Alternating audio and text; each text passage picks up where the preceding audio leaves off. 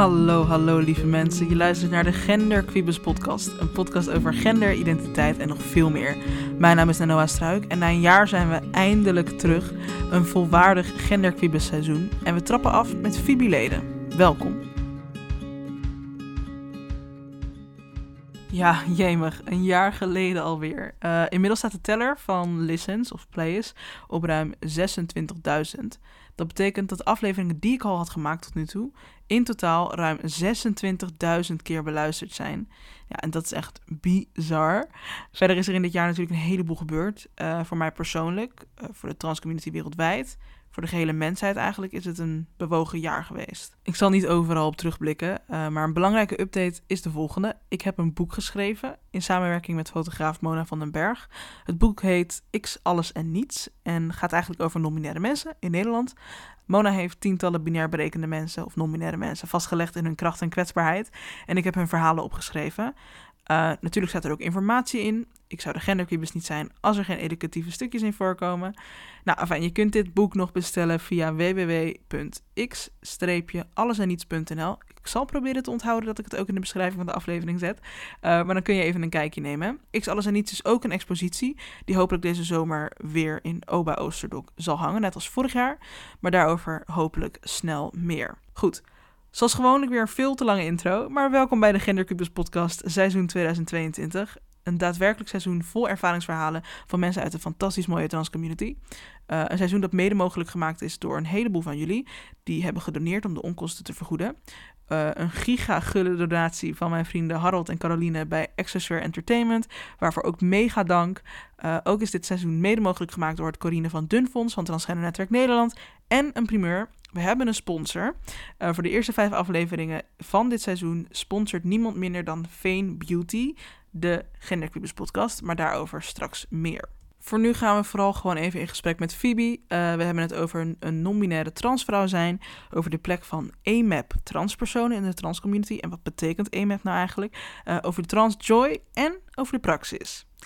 Even een disclaimer, ik neem de aflevering op in mijn nogal gehorige kantoor.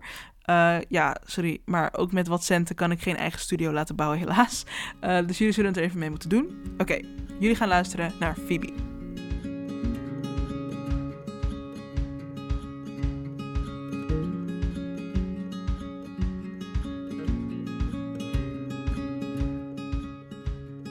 goed om je hier te hebben in mijn huistuin- en keukenstudio hier uh, in een oerlelijk gebouw in Haarlem. Uh, ik zou je willen vragen om te beginnen met jezelf voor te stellen. Uh, en noem daarbij wat je wilt, maar je naam, je leeftijd en je pronouns zijn in ieder geval wel fijn. Uh, maar verder noem er gewoon bij wat je over jezelf wil vertellen. Hallo, ik ben Phoebe. Ik ben 22 jaar oud. Mijn pronouns zijn zij, haar. Ik identificeer mezelf als non-binair transvrouw, non-binair transfem persoon. Zoiets. en wat doe je in het dagelijks leven? Wat doe ik in het dagelijks leven? Um, ik ben werkloos. Ik ben studieloos. um, wat ben je niet loos? Zeg maar, want nu ben je alles aan het vertellen wat je zeg maar niet bent. Wat doe je wel? Ik ben niet huisloos. Nou, ik, dat is goed in deze. Ik woon in Utrecht, wat wonderlijk is. En ik ben Uh, voor zover ik kan, gewoon voornamelijk bezig met kunstprojectjes. Um, ik heb heel veel ideeën, ambities. Um, en ja, daar moet ik gewoon even naartoe werken. En dat, uh, daar ben ik nu langzaamaan mee bezig, omdat nu ik wat meer tijd ook heb. Um, voor persoonlijke ontwikkeling natuurlijk ook. Uh, om daarnaast ook bezig te gaan met dat soort projecten. En ja, voornamelijk gewoon naar mezelf te werken. En dat. Goed, klinkt goed. Oké, okay, nou leuk om je te hebben hier, uh, Phoebe. Ik heb het, je bent de allereerste gast uh, in dit nieuwe seizoen. Dus uh, no, no pressure. no pressure. Nee joh, dat komt helemaal goed. En iedereen is gonna love you.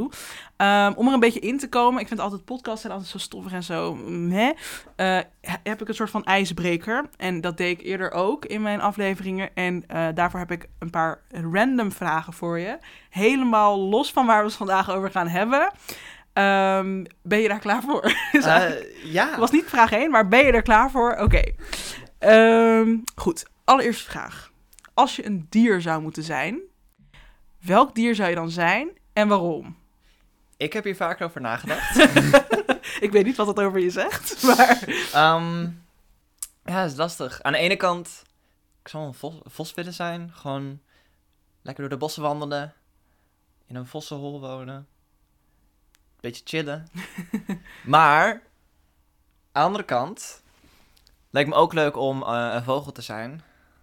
Ehm, totdat ik een, eh, een, tot ik iets zag van een, ehm, een comedian. Die vertelde over, oké, leuk dat je een vogel wil zijn. Leuk dat je de kracht wil hebben om te vliegen. Maar heb jij momenteel de energie om te gaan rennen, om te hardlopen? Ja, Want dat heb ik niet. nee, Dus stel je voor vliegen, dan moet je ook energie voor uiten. zeker. Ik ga dat echt niet doen. Nee, is too much. Ja, nee, het is echt veel te zwaar. Oké, stel je voor dat jouw vrienden zouden zeggen... Phoebe eh, is dit dier. Welk dier zouden zij dan zeggen? Ehm, ik denk dat ze vrij snel naar een kat zouden gaan. Waarom? Eh, ik kan heel lief en knuffelig zijn, maar ook heel erg op mijn ruimte zijn. En het kan snel switchen. Dus dan is het opeens zo van, ah ja, leuk, gezellig, dit en dat. Oké, nee, nu hoef ik niks meer. Ik ga er weg. Doei. Heel herkenbaar. Oké, nou, fantastisch antwoord. Ehm, heb ik nog een vraag. Wat is je slechtste aankoop ooit geweest? je moet nu al heel hard lachen. Ik ben hier heel hyped voor. Ehm, oh, dit is ook gelijk mijn duurste miskoop ooit. Ehm, ik wilde heel graag drummen. Drummen. Ik, ehm, dat was een van mijn quarantaine-interesses. Ik wilde drumles nemen. Ehm, dat kon niet, want corona eh, en dat soort dingen. Dus ik dacht, weet je wat? Ik ga YouTube-video's kijken en ehm, koop een elektrische drumstel om thuis te oefenen. In het jaar dat ik dat drumstel had, heb ik hem wel geteld vijf keer aangeraakt. En eh, hoe, oké, even voor de beeldvorming. Hoeveel kostte dit drumstel ongeveer? ja, ik weet het eigenlijk niet meer. Maar het, Praten we om honderden euro's? Uh, het zit tussen de 100 en de 200 euro in. Oh, nee ja. toch. Maar ik heb het kunnen verkopen op Marktplaats. Dus ik denk dat de schade beperkt was tot een 50 euro. Oké, nou heb je een leuke corona bezigheid gehad eh, voor je Nou. vijf tot tien keer? oh mijn Oh. god, ja. Iedereen heeft, iedereen heeft van die corona dingen trouwens. Ja. Iedereen, ik begin een podcast, weet je wel. Anderen doen weer wat anders. Iedereen is bezig met corona dingen. Al ben ik het nog wel nog steeds aan het doen. Maar dat is even een ander verhaal. heb ik nog één laatste vraag om even in de stemming te komen. Wat zit er in je nachtkastje? Hebben mensen een nachtkastje? Oké, wat ligt er naast je bed? Ehm, condooms. Glijmiddel. Eh, een cactus. Dit is een hele goede. nee, ik zie het helemaal voor me nu. ik zie het allemaal zo netjes op een rijtje staan.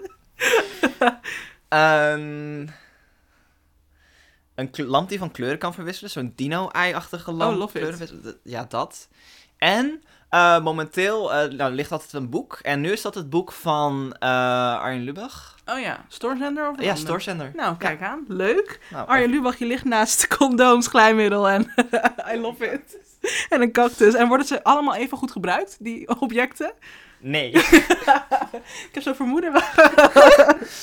Oké, goed. Nou, nu hebben mensen denk ik wel een beetje een idee van, van jou. Ze weten wat voor dier je zou zijn, wat er naast je bed ligt en wat je slechtste aankoop ooit is geweest. Nou, meer hoef je op zich niet te weten. Niet dat ze rare ideeën krijgen over dat ik het boek lees en dan met condooms en glijmiddel. Nee, dat is...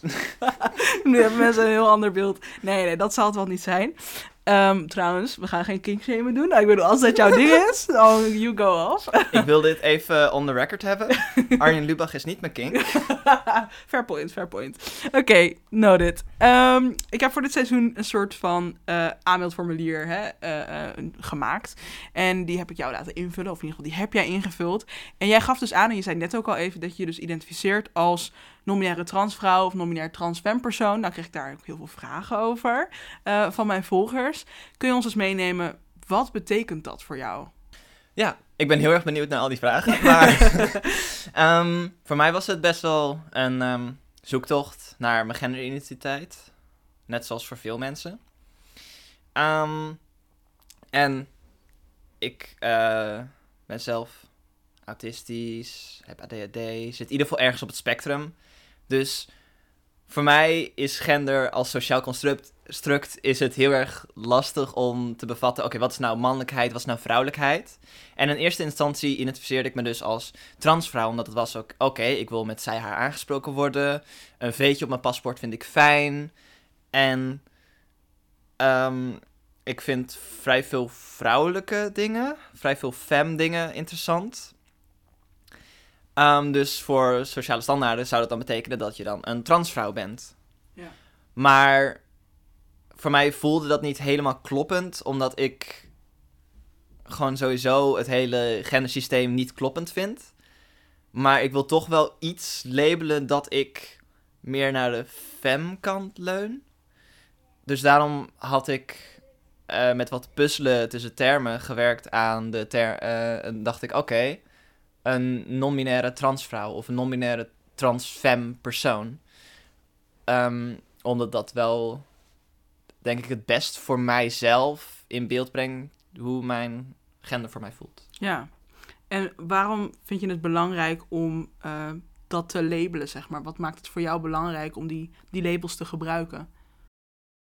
Het maakt het ten eerste makkelijker om uh, te identificeren naar de buitenwereld, voornamelijk in uh, queer slash trans spaces in cishet spaces um, zeg gewoon dat ik een transvrouw ben. Dat was dus ook een van de vragen van iemand. Zit er een verschil in hoe je je genderidentiteit uitlegt tussen aanhalingstekens of vertelt aan cis mensen versus trans mensen?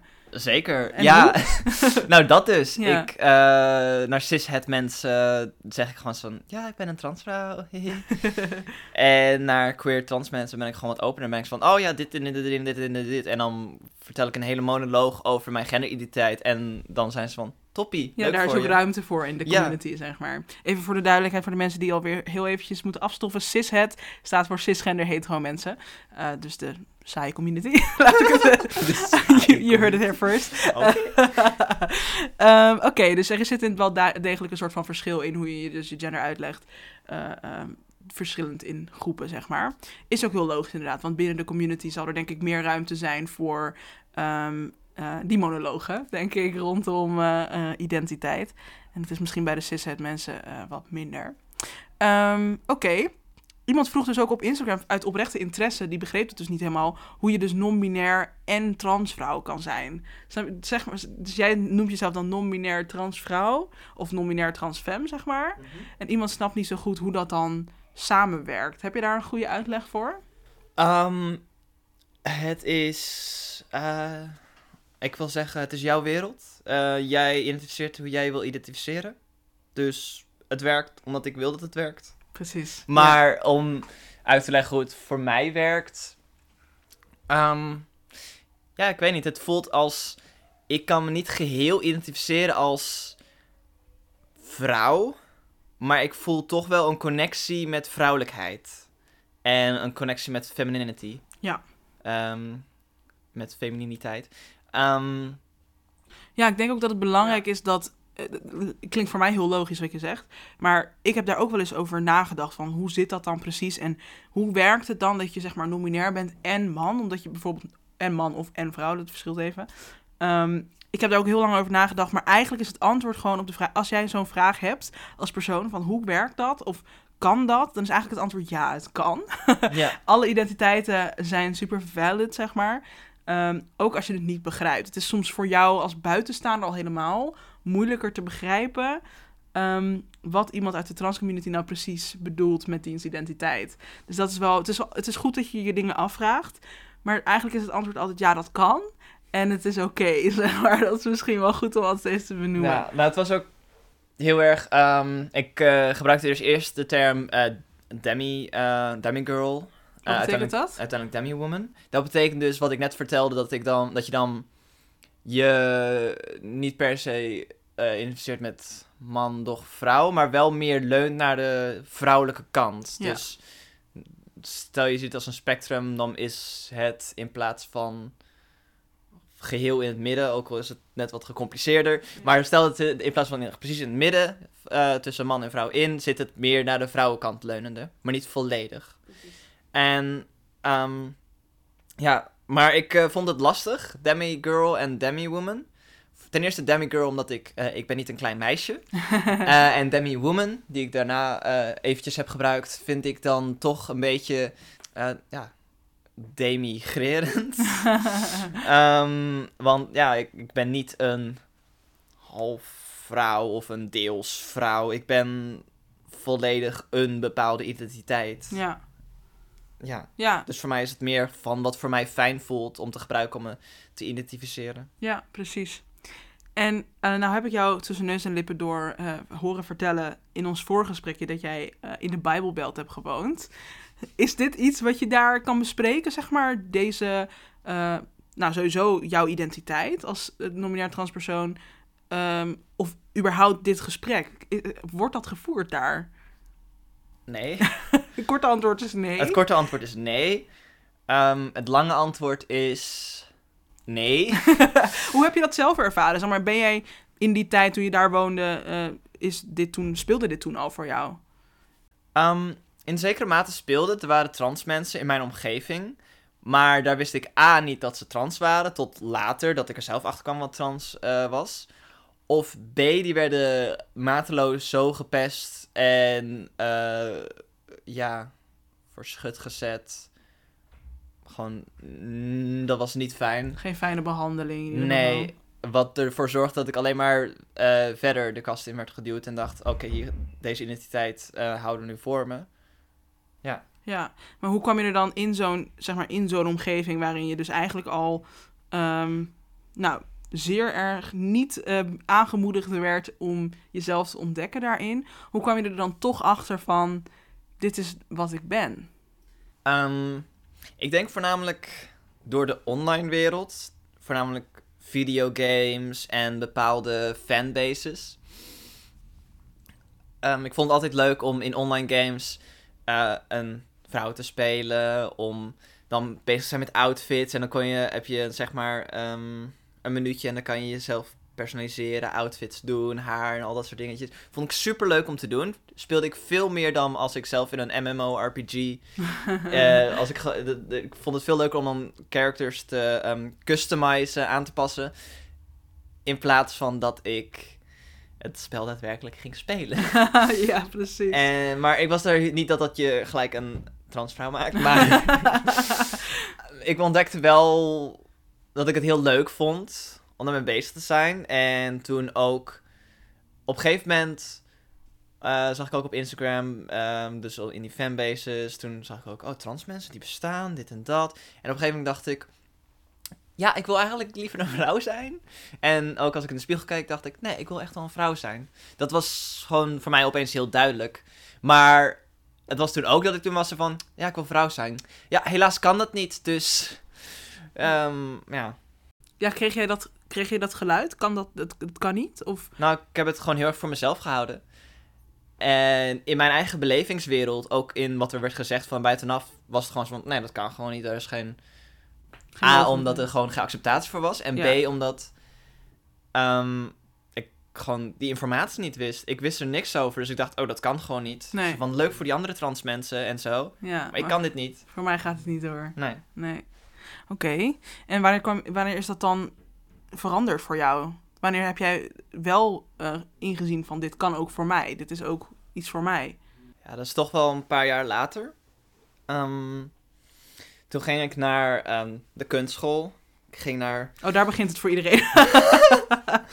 Ja, de- daar ging ik naar, eh, ik ging naar Artes Zwolle. Shout-out naar Artes Zwolle. Ehm, en tijdens de studie toen ging het wat minder met mij. Maar ik was wat meer gaan experimenteren. Ook omdat ik op mezelf ben gaan wonen voor het eerst in mijn leven. Ben ik gaan experimenteren met kleding, met make-up, met dat soort dingetjes. En ehm, ja, ook op een gegeven moment met pronouns gebruiken. En op een gegeven moment had ik dus echt een soort van dieptepunt bereikt binnen, ja, depressieve gevoelens. Ehm, dat ik op een gegeven moment hulp ging zoeken bij de schoolpsycholoog, schoolhulp. En daar tijdens in het eerste of het tweede gesprek die ik dan had erover, over hoe, hoe dat het slecht met me ging, kwam opeens te boven van, ja, en er is ook iets met gender. En toen was het opeens van, oké, laten we hier op ingaan. Ja, precies. Want deze persoon had eh, in tegenstelling tot veel ehm, psychologen en hulpaanbieders, ehm, wel verstand over transzaken. Dus kon wel daarmee met mij in gesprek gaan. Wat En zo- fijn. Ja. Wat een privilege. Dat heeft echt lang niet iedereen. Nee, ik had er echt heel veel geluk in. Want anders Ja. had het nog wel een tijdje geduurd, denk ik. Ja, wel herkenbaar verhaal. Dat je zegt, ik heb dit, ik heb overal last van. Oh ja, en er is ook nog iets met mijn gender aan de hand. Terwijl dat is vaak, zeg maar, de oorzaker van een heleboel dingen. Ja. Dus dat is grappig dat je daar dan op dat moment eh achter komt. Fijn in ieder geval dat je die begeleiding daarin hebt gehad. Dat is echt een privilege. Ehm, een topic dat ik zelf dus heel belangrijk vond om extra te belichten dit seizoen... eh, is de situatie van AMAP-personen binnen de queer en of trans community. Eh, trans en slash genderdiverse community. Zou je me eens kunnen uitleggen wat AMAP betekent? AMAP betekent Assigned Male at Birth. Ja. Wat betekent dat ehm, mensen bij geboorte, de dokters, eh, een piemeltje zagen en dachten... Nou, dat is een mannetje. ja, precies. Dus eigenlijk inderdaad, er wordt je verteld bij de geboorte dat je man bent. Dat je als man geboren bent. Ja. Ja, dat is wat AMAP eh betekent. Ehm, nou had jij je aangemeld ook om over eh, dit topic te spreken, omdat je zelf AMAP-persoon bent.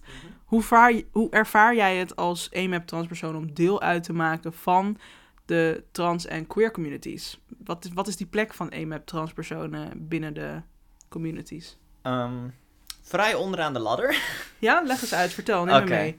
Ehm, het is heel erg binnen eh, trans slash queer spaces dat de focus ligt ook op, eh, met betrekking tot de educatie op ehm AFAB transpersonen.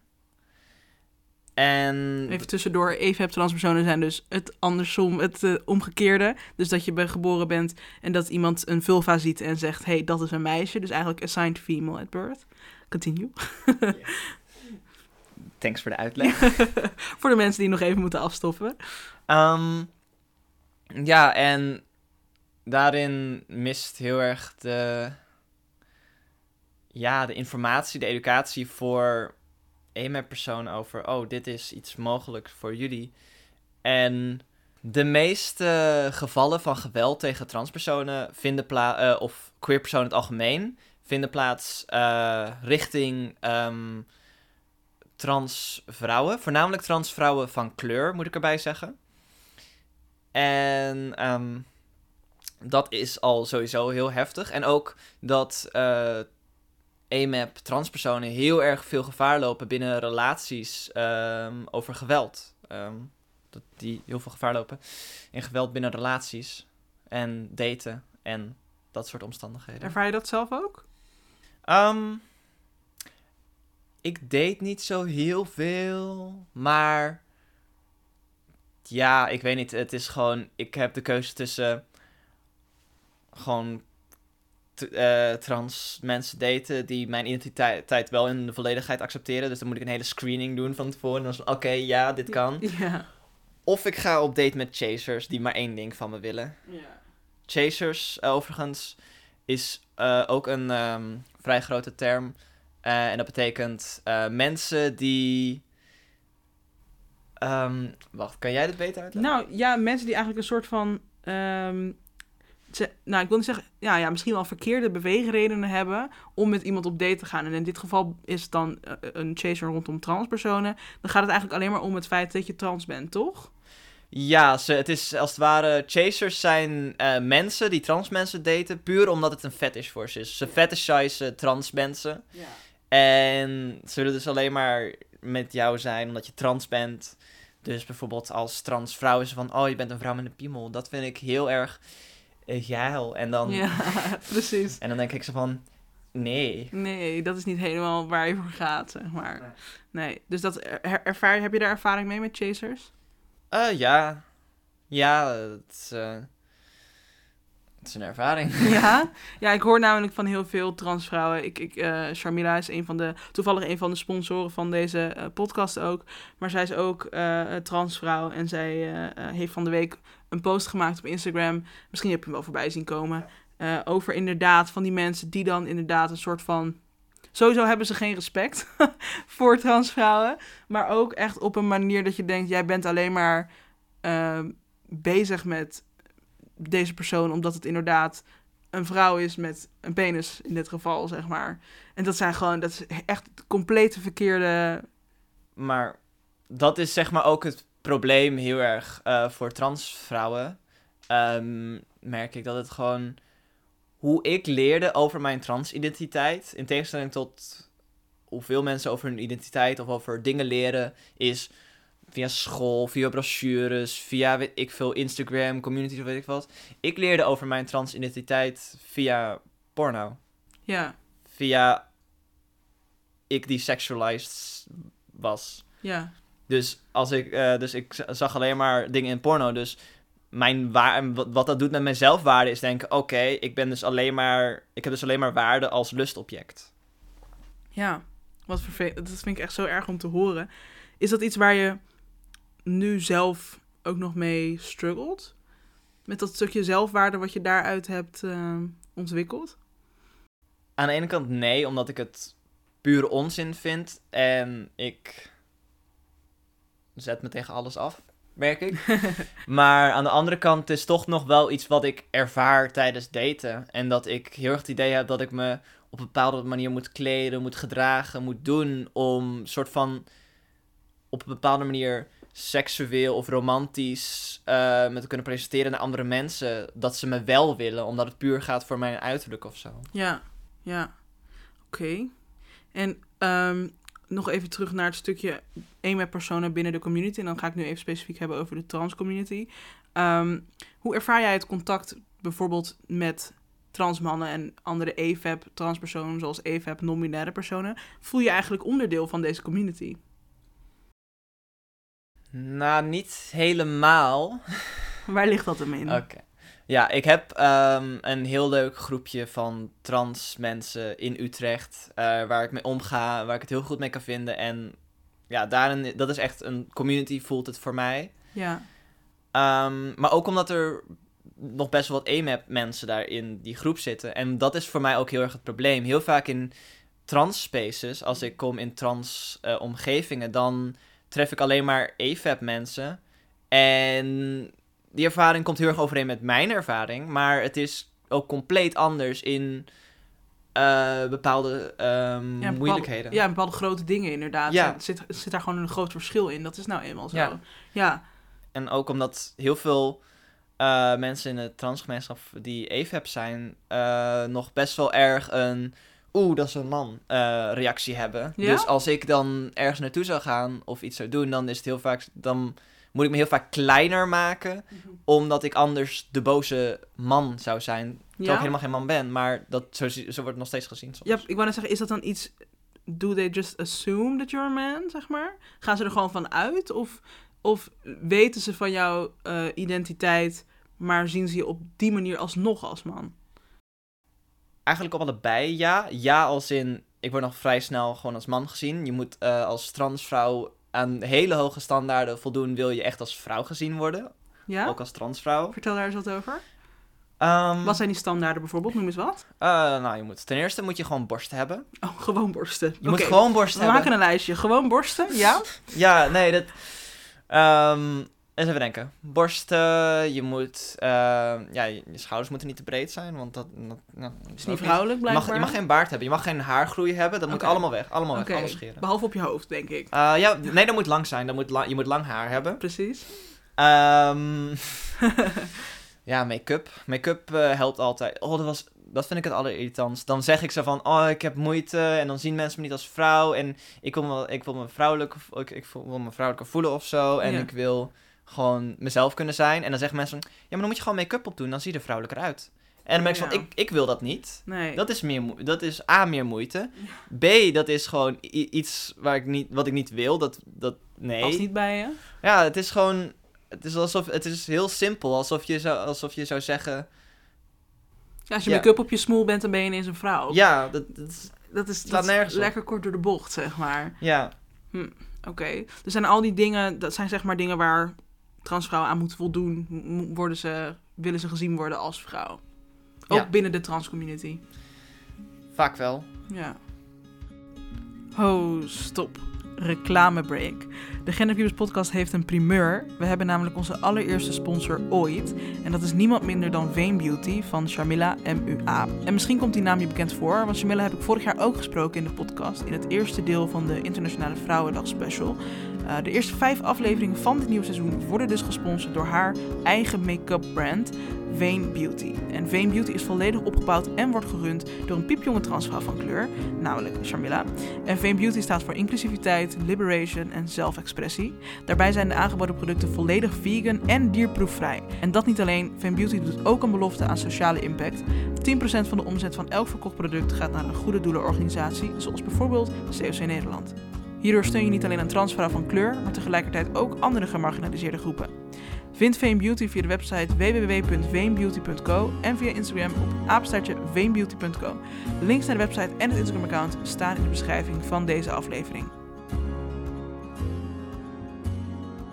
Maar wat zou de rest van de transcommunity dan kunnen doen om uh, transpersonen of transfempersonen, transvrouwen uh, meer onderdeel te laten kunnen voelen van de community?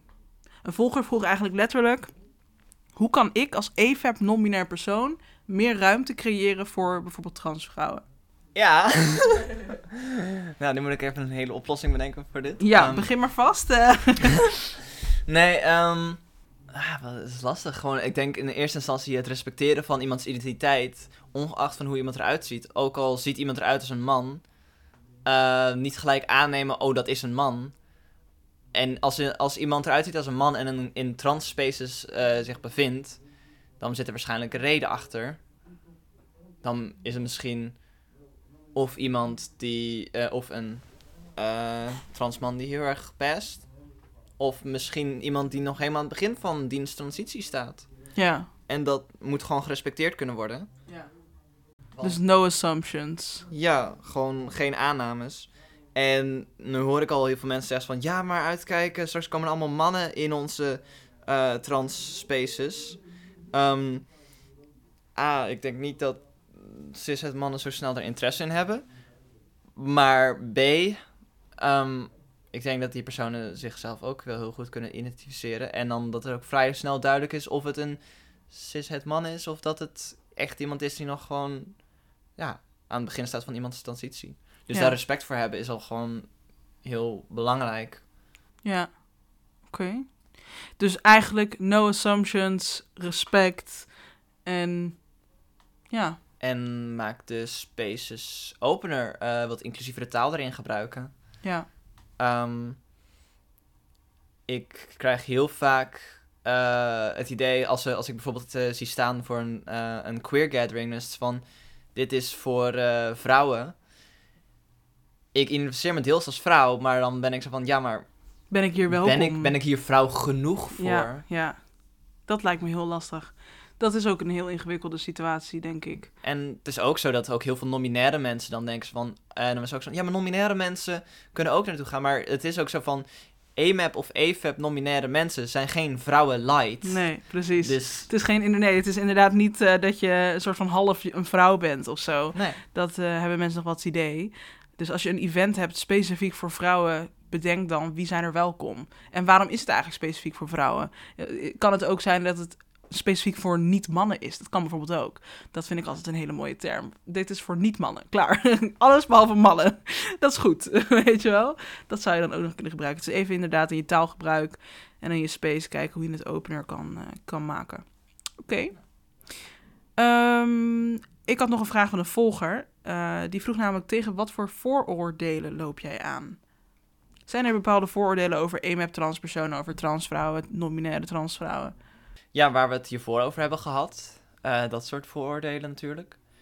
Maar ook wat, het, wat ik het meest ervaar is dat, dat mensen denken dat trans vrouwen dan gelijk, of transfem mensen, gelijk heel feminine zijn. En dan gewoon jurken, make-up, dat soort dingen. En dat mensen dan vooroordelen hebben over dat ik heel veel make-up op zou moeten hebben. Of dat ik echt allemaal jurken moet dragen en dat heel vaak bedragen en dan super leuk moet vinden. En alleen maar feminine dingen moet doen. Dat ik in de keuken moet staan of zo. dat er helemaal weer echt gewoon van die stereotype vrouwdingen worden. En dan denk ik echt van, laat me gewoon lekker in een bouwmarkt werken. Laat me gewoon, weet ik veel, Boulderen, skateboarden. ehm, Ja, dat kan allemaal. Dat Ja. hoort er gewoon allemaal bij. Ja, ja, precies. dan gaan we ervan gewoon van broeken te dragen. ja, precies. Dat zegt verder niks over je genderidentiteit. Dus Nee. dat is wel goed om erbij te zeggen. Vroeger zag ik eigenlijk alleen maar ehm EMAP-personen in de media. Vroeger. Zoals transvrouwen op televisie, in de media en al die dingen. Nu zit ik zelf dus heel erg in een EFAP-bubbel. Eh, dus EFAP-transpersonen zoals transmannen, non-binaire mensen die EFAP zijn. Daar, dat, zijn. dat is mijn bubbel op dit moment grotendeels. Eh, en zo, daardoor lijk ik hen dus ook veel meer te zien eigenlijk op televisie, in de media en al die plekken. Hoe ervaar jij dit? Is dit hetzelfde voor jou of is dit echt een bubbelding voor mij? Ehm, ik kan niet veel zeggen over vroeger, hoe het vroeger was. Want ik zelf heb niet echt heel veel gezien. Maar ik zat ook in een ander soort bubbel, een christelijke bubbel. Een, een Veenendaal-bubbel. Een Veenendaal-bubbel. Eh, dan moet ik wel zeggen dat mijn ouders niet christelijk waren en dat ik gewoon daarin heel veel geluk had. Eh, in het opgroeien daar. Maar dat was even een side note. Momenteel merk ik wel in heel veel films en series dat als er een transpersoon is of een non-binair persoon is, dan is het wel vaak een AFAB iemand. Ja, ja, precies. En wat vind je dan van die representatie die er voor EMAP-personen is? Is dat genoeg? Is het te weinig? Komen EMAP-personen juist in beeld? Nou, dat vind ik juist heel erg teleurstellend. En ja, Euphoria, daar heb je dus nu een trans femme vrouw. Ik weet niet. Ik hoorde daar mensen over vertellen. ja, volgens maar mij is het transvrouw inderdaad. ja, ik hoorde daar heel veel mensen over vertellen. Ja, she's very cute. maar wat ik ook eh, hoor is dat er heel veel triggers zitten. Dus ik heb het niet gezien en ik ga het niet kijken. Nee, het is misschien ook niet voor iedereen inderdaad eh, weggelegd, deze serie. Het is echt een hele triggerende, heftige serie, ja, klopt. Dat vind ik dus heel erg slecht aan de representatie als er een trans vrouw is, voornamelijk. Want dat, meestal als het e- over AMAP transpresentatie gaat, dan Is het Is een het- transvrouw? is het een transvrouw en is het nooit, of bijna nooit, nou eigenlijk nooit, ik heb nooit nog een nominaire AMAP persoon gezien op televisie. Ja, de eerste waar ik dus nu aan denk is bij Queer Eye, Jonathan van Ness. Ja, Die is toch nominair en AMAP, geloof ik. Dus ja dat, dat is wel. dan het enige, denk Ja. ik. Maar verder zou ik ook echt niemand kunnen bedenken. Ja, daar had ik helemaal niet aan gedacht. Maar Ja. ja, dat, ja. Jonathan van Ness, Ja, ja. ja, maar dat, dat is dan wel reality. Dus dat is dan weer anders dan bijvoorbeeld een serie als Euphoria natuurlijk. Een serie waarin je... Hè, je hebt nu een sex education, heb je Cal of Cal, whatever... Op zijn Amerikaans. En dat is natuurlijk ook een nominair persoon, maar ook wel weer AFAB. Gelukkig wel van kleur, dus dat is weer een extra intersectie waar ik heel blij Ja. mee ben. dat is wel. Maar er is nog zoveel te behalen daarop. Ja, en ook gewoon wat ik heel graag wil, wat heel vaak dus is, is als, eh, als ik dus eh transvrouwen zie ehm, op televisie, dan gaat het heel erg over de pijn en de misery, drama.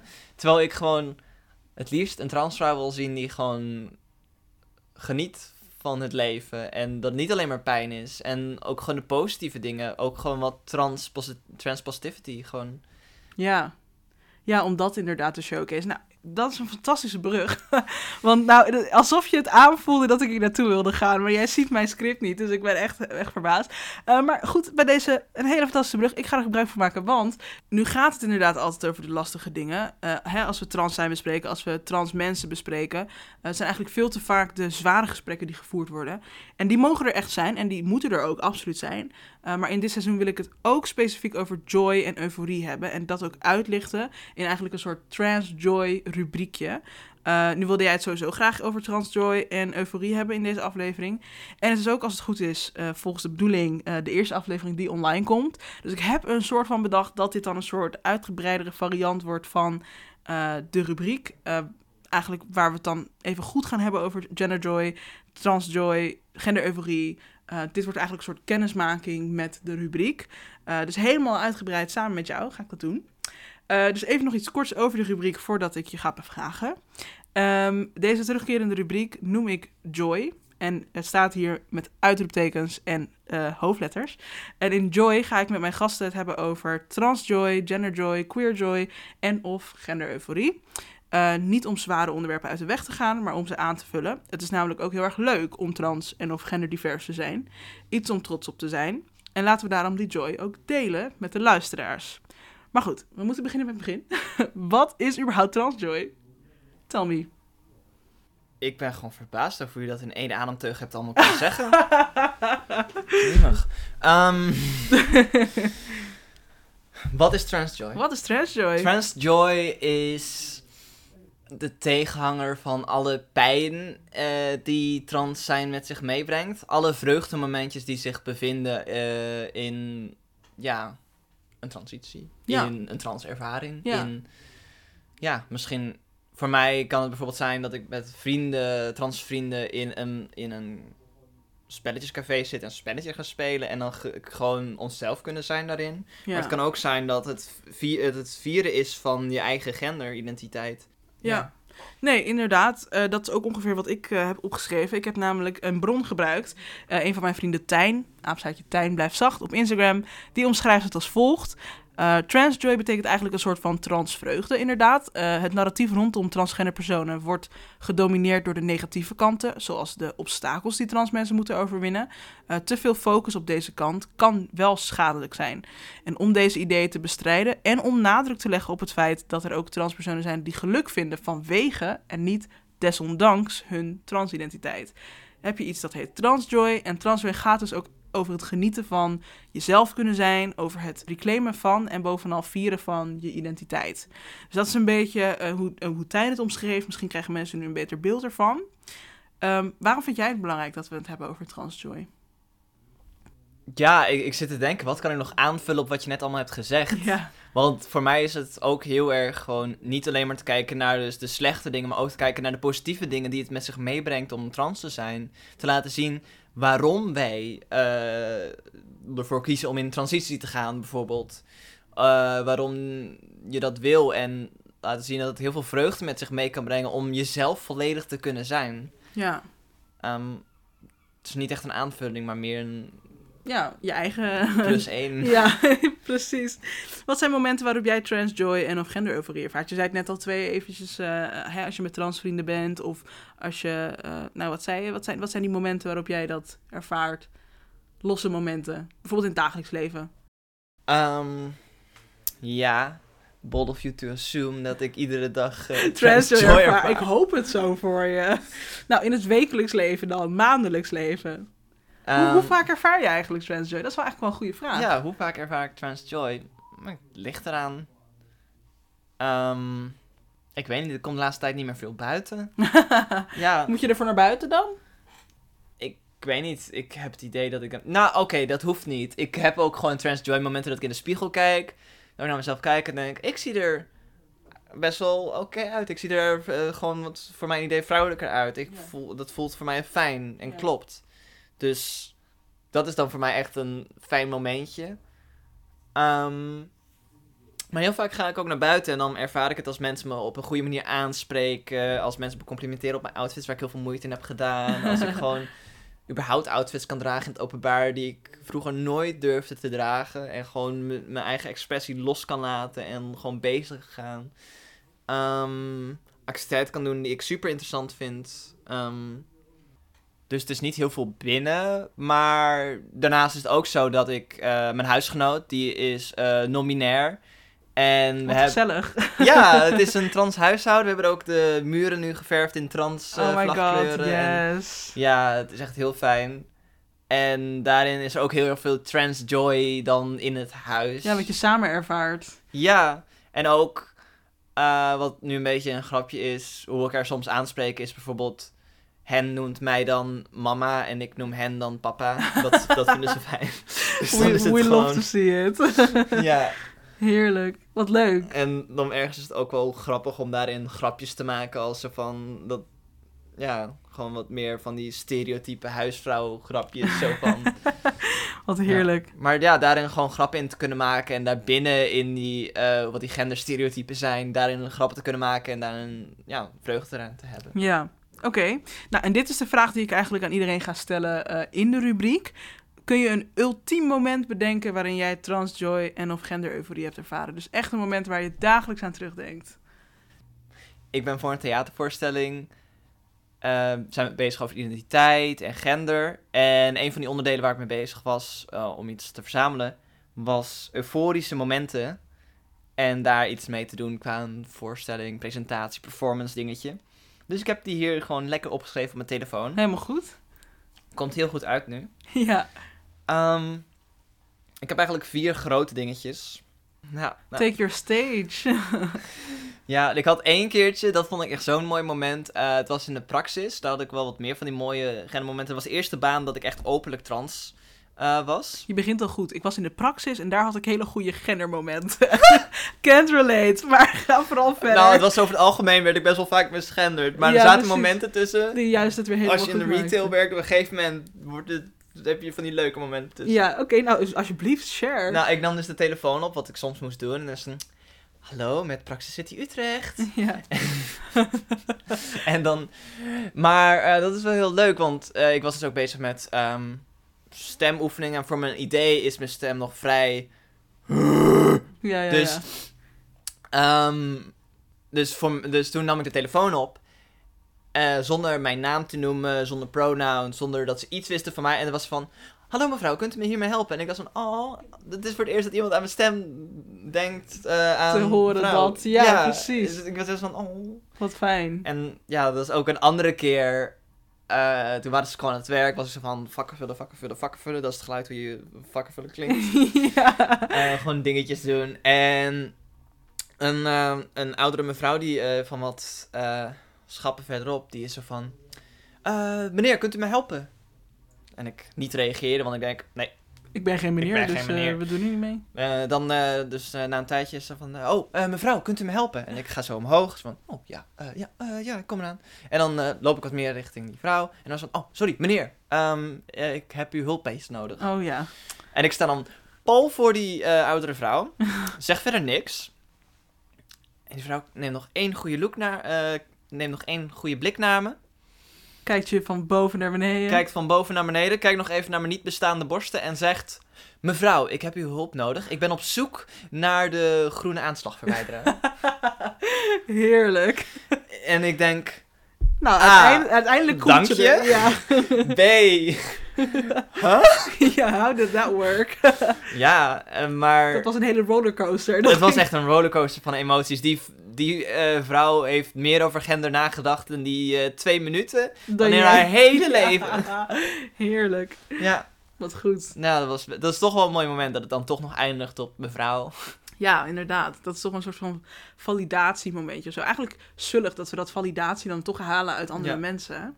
Heb ik dan toch wel weer... Enerzijds denk ik, oh heerlijk, ja, ik word goed aangesproken. En anderzijds denk ik, nou ja, boeien. Het gaat toch om hoe ik me voel, weet je Ja. wel.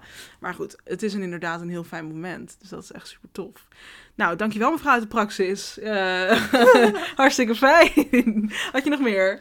Eh, ja, ik had nog eh, zeg maar een hele waslijst. Nou, noem maar wat. Kijk wel wat Nee. ik erin hou. Ehm, ik heb een keer, keer mijn oude naambordje met mijn verkeerde, met mijn deadname ritueel verbrand. Wauw. Ja, nou, het was toen ik ging verhuizen dus naar Utrecht. Toen had, kwam mijn naambordje binnen. En ik had al aangegeven dat die anders moest worden. En nog steeds kreeg ik de verkeerde binnen. Met de verkeerde initialen en alles. Dus toen was mijn huisgenoot zo van, ja, de, zullen we het ritueel verbranden? Dus toen hebben we het eh, ritueel verbrand. Hebben we zo aangestoken, helemaal afvikken en helemaal ritueel. Ehm pro tip. Plastic moet je niet verbranden. Voornamelijk niet als je ramen en deuren dicht zitten. Nou, dat is inderdaad een hele goede tip. Brandveiligheid weten mensen toch ook heel weinig van. Maar, eh, maar oké, ja, dat klinkt goed.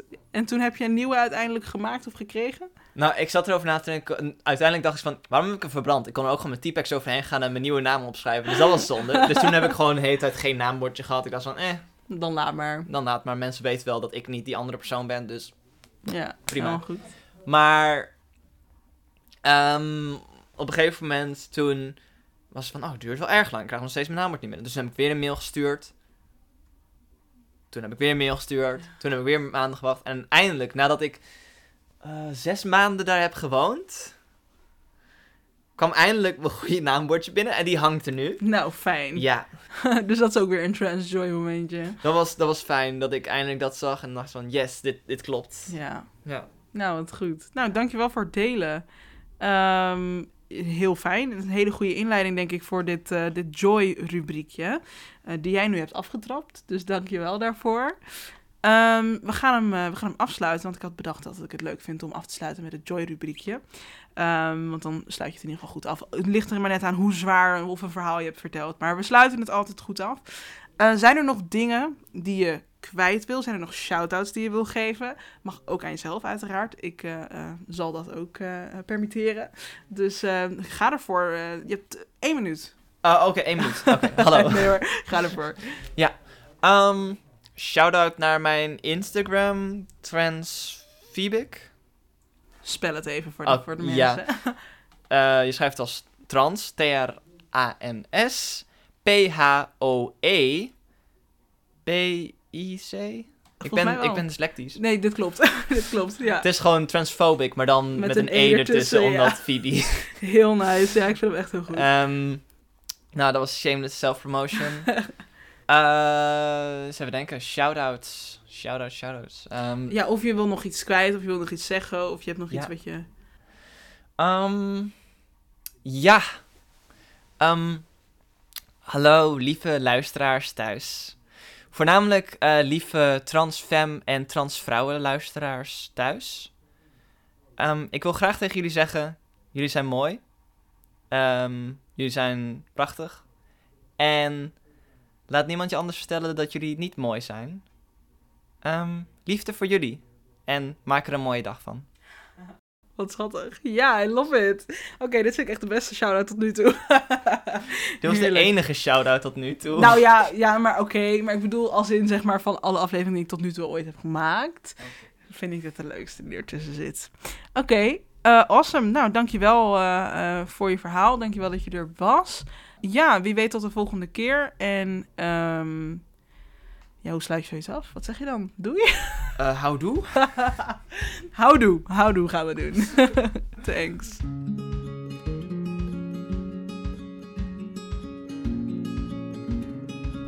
Dat was hem weer. Eh, ik wil op de eerste plaats Phoebe heel erg bedanken voor haar verhaal en haar openheid. En voor het zijn van de allereerste gast van seizoen 2022. Maar ook jullie luisteraars, enorm bedankt voor het luisteren weer. Eh, ik vond het fijn dat jullie er weer waren. Eh, wil je nou meepraten over de afleveringen? Of wil je in het vervolg ook je vragen kunnen stellen aan mijn gasten? Volg dan mijn persoonlijke Instagram eventjes op @nanoa met dubbel H op het einde. En I mean, while you're at it, volg dan ook even @gendercubus met IE om niks te missen. De Gendercubus podcast is mede mogelijk gemaakt door een bijdrage van het Corine van Dun Fonds van Transgender Netwerk Nederland, een gulle donatie van mijn vrienden Caroline en Harold van Exosphere Entertainment, onze sponsor Fame Beauty en donaties van mijn fantastisch lieve volgers. Eh, dank aan jullie allemaal. En eh, luisteraars, ik hoop dat jullie de volgende keer ook weer bij zijn. Maar voor nu, de afsluiter die ik al in geen tijden meer heb gedaan. Let's educate each other.